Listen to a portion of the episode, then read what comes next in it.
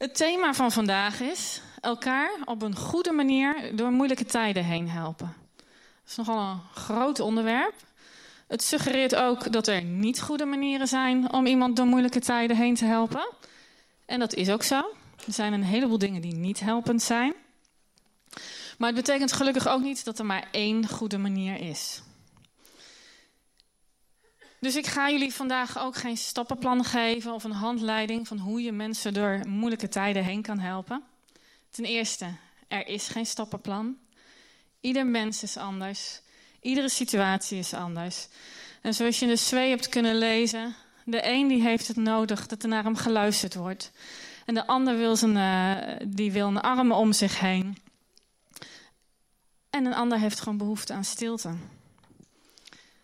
Ten tweede zijn wij allemaal anders in hoe we hulp geven. En de een is heel goed in het geven van praktische hulp. En de ander is juist heel goed om dat luisterende oor te zijn. En het is allebei even belangrijk. Dus ik wil niet op die dingen ingaan. Ik wil niet een stappenplan geven, geen handleiding. Ik wil ingaan op wat wij elkaar eigenlijk te brengen hebben in moeilijke tijden. Of het nu gaat om een situatie waar praktische hulp nodig is, of als het gaat om een situatie waar dat luisterende oor zo nodig heeft. Uh, nodig is. Wat hebben wij elkaar te brengen? Wat hebben wij een ander te geven in moeilijke tijden? En we leven allemaal in relaties. Een relatie met je ouders, met je broers en zussen, met je vrienden, collega's, met je partner, je kinderen. En ik weet niet wat jij hebt meegemaakt in die relaties. Wat jouw ervaringen zijn. En misschien is het voor jou heel vanzelfsprekend om authentiek te zijn, om open te zijn in relatie met een ander, om jezelf te geven op een onbevangen manier. En hoe kostbaar zijn die relaties waar je echt jezelf kan zijn, waar je je verbonden voelt met een ander. In deze tijd waar autonomie zo'n hoge waarde is geworden, is, is je verbinden aan een ander best wel ingewikkeld geworden. Misschien ben je wel teleurgesteld geraakt in vriendschappen. Verbroken vriendschappen, gebroken liefdes. En vind je het moeilijk om jezelf te geven, om jezelf te zijn in relatie met een ander. En misschien heb je wel geconcludeerd dat je er uiteindelijk toch altijd alleen voor staat. Of zit er diep van binnen in je de gedachte: als ik maar genoeg geef, als ik maar genoeg doe aan, voor een ander, dan mag ik iets terug verwachten. Anders heb ik er geen recht op. Misschien ben je wel tot de conclusie gekomen, zoals het goede doel in de jaren tachtig, de jaren waarin ik opgegroeid ben. Eén keer trek je de conclusie. Vriendschap is een illusie. Vriendschap is een droom, een pakketje schroot met een dun laagje chroom. Leuk aan de buitenkant, maar van binnen is het niks. Waardeloos, een droom, een illusie waar je eigenlijk niks van hoeft te verwachten. En vaak zijn onze ideeën over relaties en vriendschap en hoe we met elkaar om, te gaan of willen gaan, meer dan we ons beseffen, gevormd door onze, door onze ervaringen en de dingen die we in de wereld meemaken, de dingen die we om ons heen zien. Hoe worden relaties in deze tijd gewaardeerd? Hoe gaan we met elkaar om? Wat is de norm? Van deze tijd in deze wereld? Wat wordt ons laten zien in films, tv-programma's, social media? Hoe reëel zijn die beelden en hoe reëel zijn onze verwachtingen als het gaat om onze relaties onderling? Ik denk dat de Bijbel duidelijke uitspraken doet over hoe we met elkaar om mogen gaan. Dat de Bijbel een duidelijke norm stelt als het gaat om relaties onderling, hoe die bedoeld zijn. In Johannes 13, vers 35 staat dat, dat mensen aan de onderlinge liefde tussen ons zullen zien bij wie wij horen, welke God we geloven, wie wij volgen. Kennelijk is de manier waarop wij als broers en zussen met elkaar omgaan, mag dat en kan dat in deze tijd onderscheidend zijn. Hoe we omgaan met elkaar, maar ook hoe we omgaan met de mensen om ons heen. Jezus roept ons tot een hele andere manier van met elkaar omgaan. Ik heb jullie lief, zegt hij. Heb elkaar lief. Draag elkaars lasten, zegt hij. En alles wat je hebt gedaan voor een van de onaanzienlijkste van mijn broers of zussen, dat hebben jullie aan mij gedaan, zegt hij. Jezus verbindt een andere realiteit, een andere dimensie aan het omgaan met elkaar en het zorgdragen voor elkaar. Hij betrekt zichzelf erin. Met wat je die ander geeft, daarmee eer je mij, zegt hij. Het is niet alleen de ander aan wie je jezelf en je tijd of je gaven geeft, je energie geeft. Je geeft het ook aan mij. Wij zijn zijn handen, wij zijn zijn voeten, wij zijn de mond waardoor hij spreekt. En over die dimensie wil ik het met jullie hebben vandaag. Weet je, ik denk een van de belangrijkste dingen, en een van de dingen die wij gemakkelijkst kwijtraken in tijden van moeite, en die die moeilijke tijden nog moeilijker maken, nog pijnlijker en nog eenzamer, is hoop. Hoop is wat ons moed geeft. Hoop is wat perspectief geeft. Hoop doet leven. En wanneer we dat kwijtraken, ja, wat blijft er dan over? Hoop geeft ons hout vast. Hou vast. En er zijn situaties waarin het menselijke gezien lijkt alsof er geen hoop is. En wat moet je dan? Daar sta je dan met lege handen. Wat heb je dan te brengen? Ik denk dat wat wij elkaar te brengen hebben en wat wij de mensen om ons heen te brengen hebben, is die andere realiteit, die andere dimensie. Wij brengen Jezus mee. En dat dat meer is dan alleen maar mooie woorden, daar wil ik verder op ingaan vandaag. Paulus zegt daarover in Colossense, in de brief aan de gemeente in Colosse. Het is een mysterie. Een mysterie dat God wil onthullen. Dat we dus mogen gaan ontdekken. Colossense 1, vers 25 tot en met 27.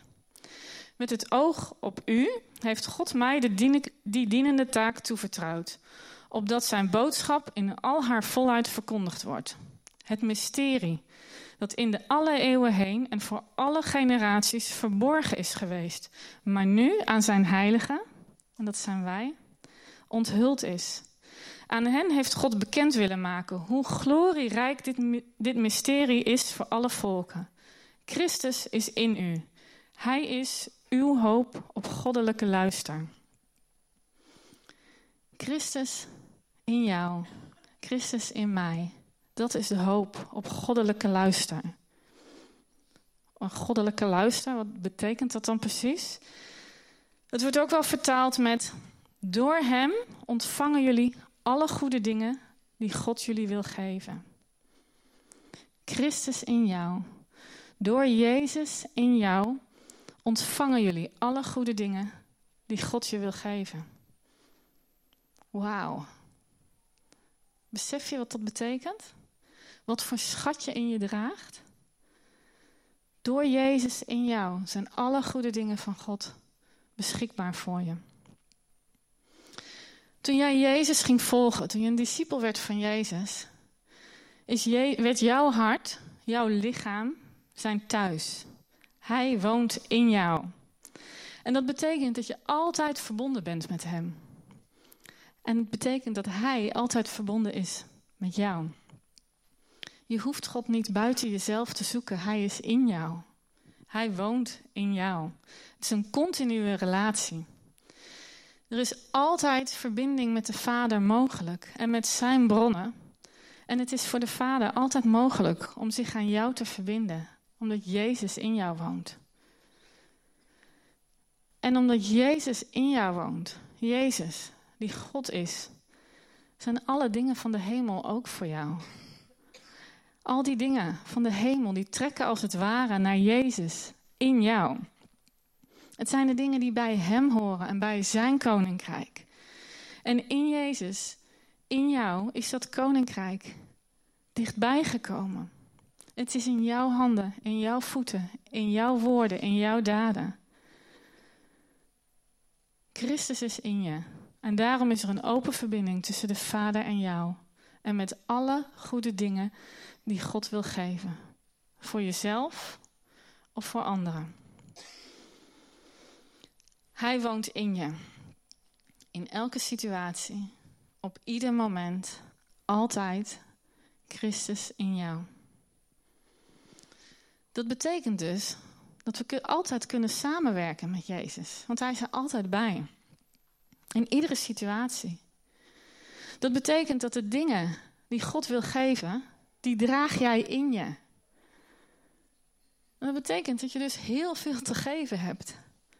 Omdat Jezus in je is. Niet uit je eigen kracht, niet uit je eigen hart, maar uit Zijn kracht en uit Zijn hart. Verandert dat niet je gebed? Heer, wat hebt u mij te geven in deze situatie? Wat mag ik van u verwachten in deze situatie? Wat wilt u mij, wat wilt u de ander geven? En wat is het wat u door mij heen wil doen? Want weet je, uiteindelijk is mijn hulp aan een ander ook maar beperkt. Mijn gaven zijn beperkt, mijn tijd is beperkt, mijn energie is beperkt. Maar Jezus is er altijd. En zijn hulp is altijd beschikbaar. Dus onze rol daarin, of het nou over onszelf gaat of over hulp aan anderen, is om te ontvangen. Om Jezus te ontvangen met alles van de hemel, met alle goede dingen die God wil geven. Christus in jou. En Jezus heeft ons een belofte gedaan. Matthäus 28, vers 20. Houd dit voor ogen. Ik ben met je. Alle dagen tot aan de voltooiing van deze wereld. Ik ben met je. Alle dagen. En voordat hij dat tegen zijn discipelen zei, herinnerde hij ze er ook nog aan: Mij is gegeven alle macht in de hemel en op de aarde. Alle macht.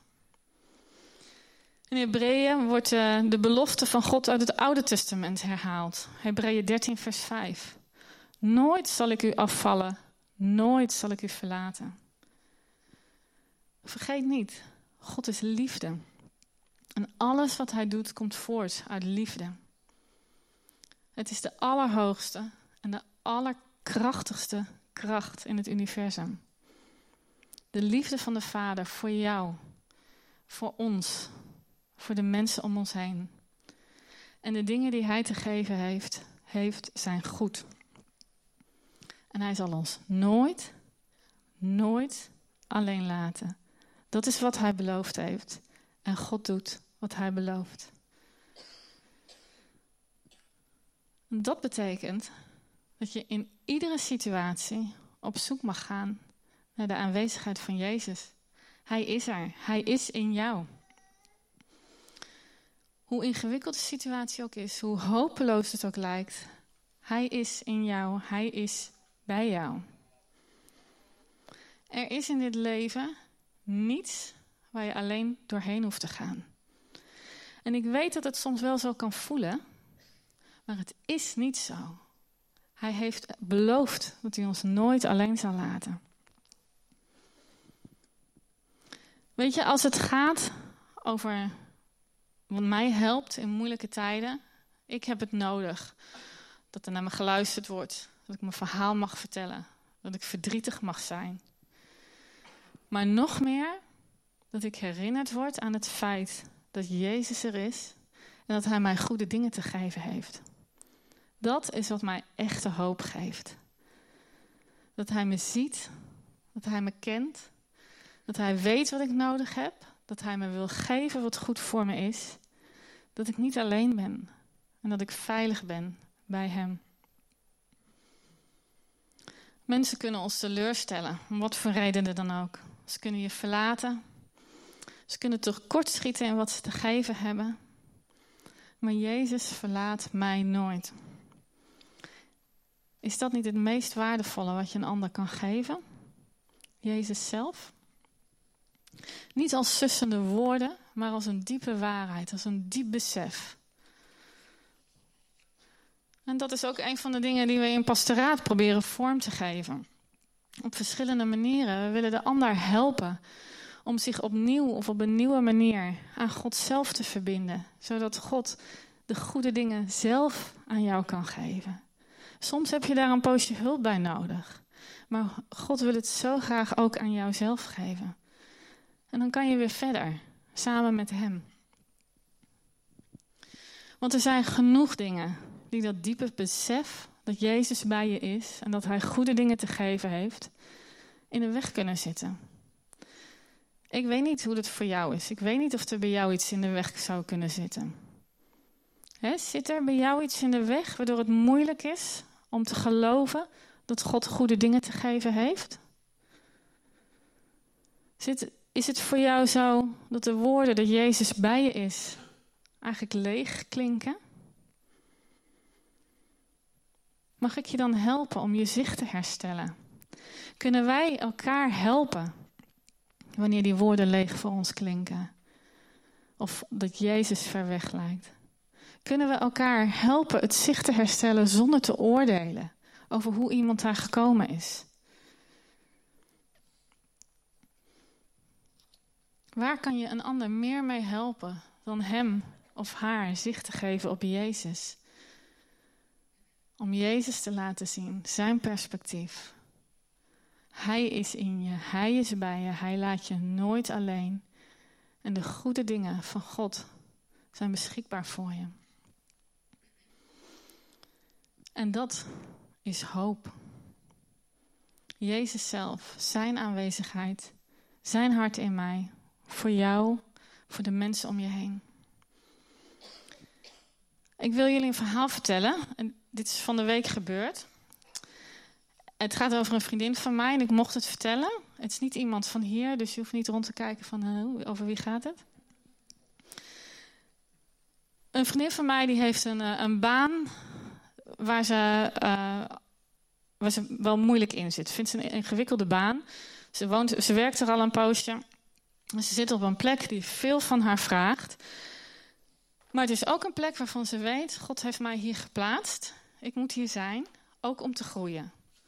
Maar het daagt haar dus ontzettend uit en het roept ook heel veel in haar op. En een van de dingen die het in haar oproept, is dat het haar, uh, haar onzeker maakt. Het voelt te groot. En maandag uh, zaten we wat heen en weer te appen. En uh, een van de dingen die ze appte was: Het maakt me onzeker. Ik heb het gevoel dat ik geen overview heb, dat het te moeilijk voor me is en dat ik dit niet kan.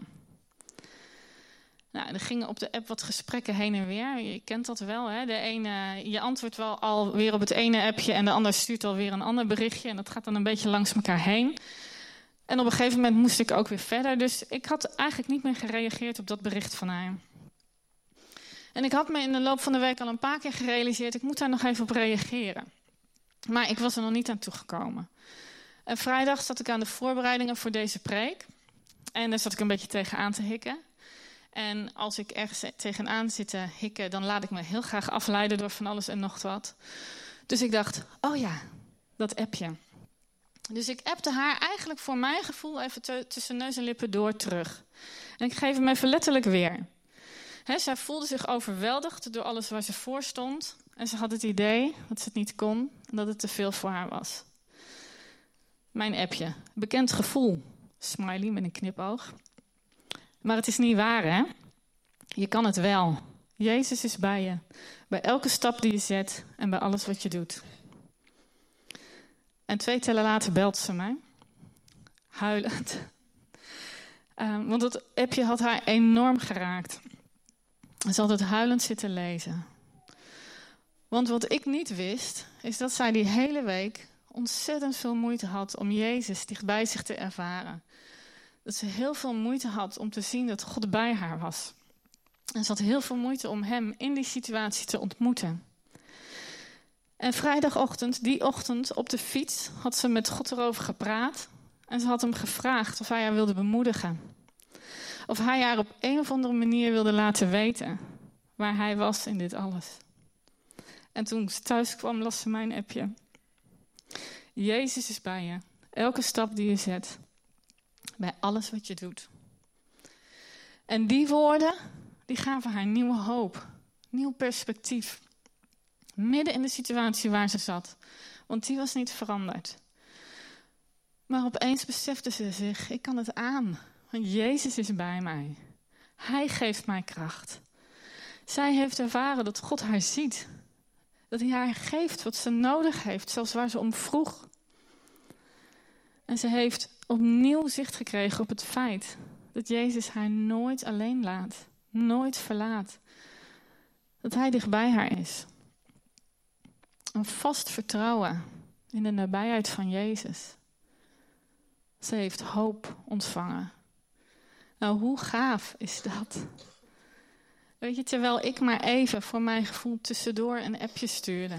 Het was voor mij ook een ontzettende bemoediging en een besef van hoe ontzettend liefdevol onze Vader is.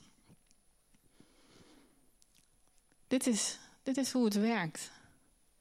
Zo eenvoudig kan het zijn.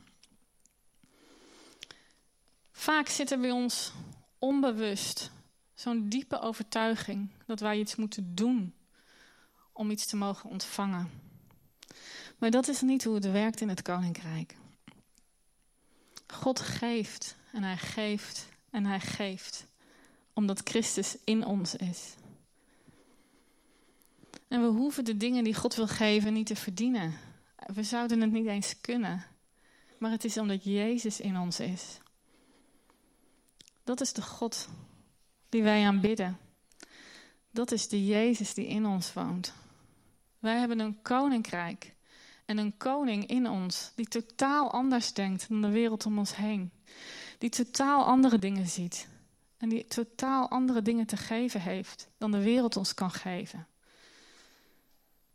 Een koning die kwam midden in de moeilijke tijden, in de chaos van deze wereld, om aan armen goed nieuws te brengen. Lucas 4, vers 17. Om aan armen goed nieuws te brengen. Om aan gevangenen hun vrijlating bekend te maken. Om aan blinden het herstel van hun zicht. Om onderdrukten hun vrijheid te geven. Om een genadejaar van de Heer uit te roepen. Met de woorden die jij spreekt, met de daden die jij doet, roep je de genade van de Heer uit. God is bij je. Hij zal je nooit verlaten. Hij heeft goede dingen voor je. Genade om uit te delen. In woorden of in daden. Genade. En onze rol is om te ontvangen. Om Jezus te ontvangen. Om Hem thuis te laten zijn in ons hart, in ons leven. Jezus in ons is de hoop op goddelijke luister op de goede dingen die God wil geven. Onze rol is te luisteren. Heer, wat, wat wilt u mij geven? Voor mezelf of voor de ander? Wat wilt u door mij heen doen? Hoe kan ik meewerken met wat u aan het doen bent? Wij hoeven niet de hele wereld te dragen. Dat heeft Jezus al gedaan. Wij mogen zijn handen zijn, zijn voeten, zijn mond om door te spreken. En hij stuurt ons er niet onvoorbereid op uit. Nou ja, onvoorbereid soms wel, maar we zijn altijd toegerust. Hij stuurt ons nooit alleen op pad. Hij zelf is met ons, tot aan de voltooiing van deze wereld. En hij zal ons nooit verlaten, hij zal ons nooit alleen laten. Dat is de hoop die wij meebrengen. Dat is de hoop die wij te bieden hebben aan andere mensen. Dat is waar we anderen mee kunnen dienen in moeilijke tijden. Christus in ons, de hoop op goddelijke luister. Jezus in jou, door wie alle, ding, alle goede dingen van God, waardoor je, door wie je alle goede dingen ontvangt die God wil geven. Zullen we bidden? Willen jullie komen staan?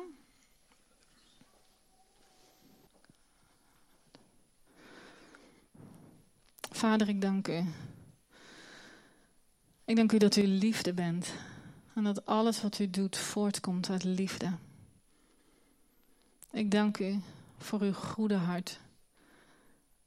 Ik dank u dat u goede dingen te geven heeft. En Jezus, dank u wel dat u in ons woont. Dat u zelf onze hoop op goddelijke luister bent. Dank u wel dat wij door u en in u alles mogen ontvangen wat God te geven heeft. En dank u wel, Heer, dat u ons nooit, nooit verlaat. En ik bid u, kom Heilige Geest. Richt onze ogen, onze harten op Jezus. Ik bid dat u ons laat zien dat u iedereen langs gaat. En dat, dat u laat zien wat het betekent dat u in ons woont. Ik bid dat u ons openbaart wat die goddelijke luister voor mij inhoudt, voor vandaag, voor deze situatie. Openbaar uzelf, Heer. Ik bid dat u openbaart wat ons in de weg zit. Om werkelijk te kunnen vertrouwen dat Jezus bij me is. Heer, ik bid dat u het openbaart, dat u het aanraakt, dat u het opruimt. Herstel die open verbinding tussen u en ons, zodat we kunnen ontvangen wat u te geven heeft. En ik zegen wat u aan het doen bent, Heer, nu op dit moment. Openbaar uzelf, Heer. In Jezus' naam.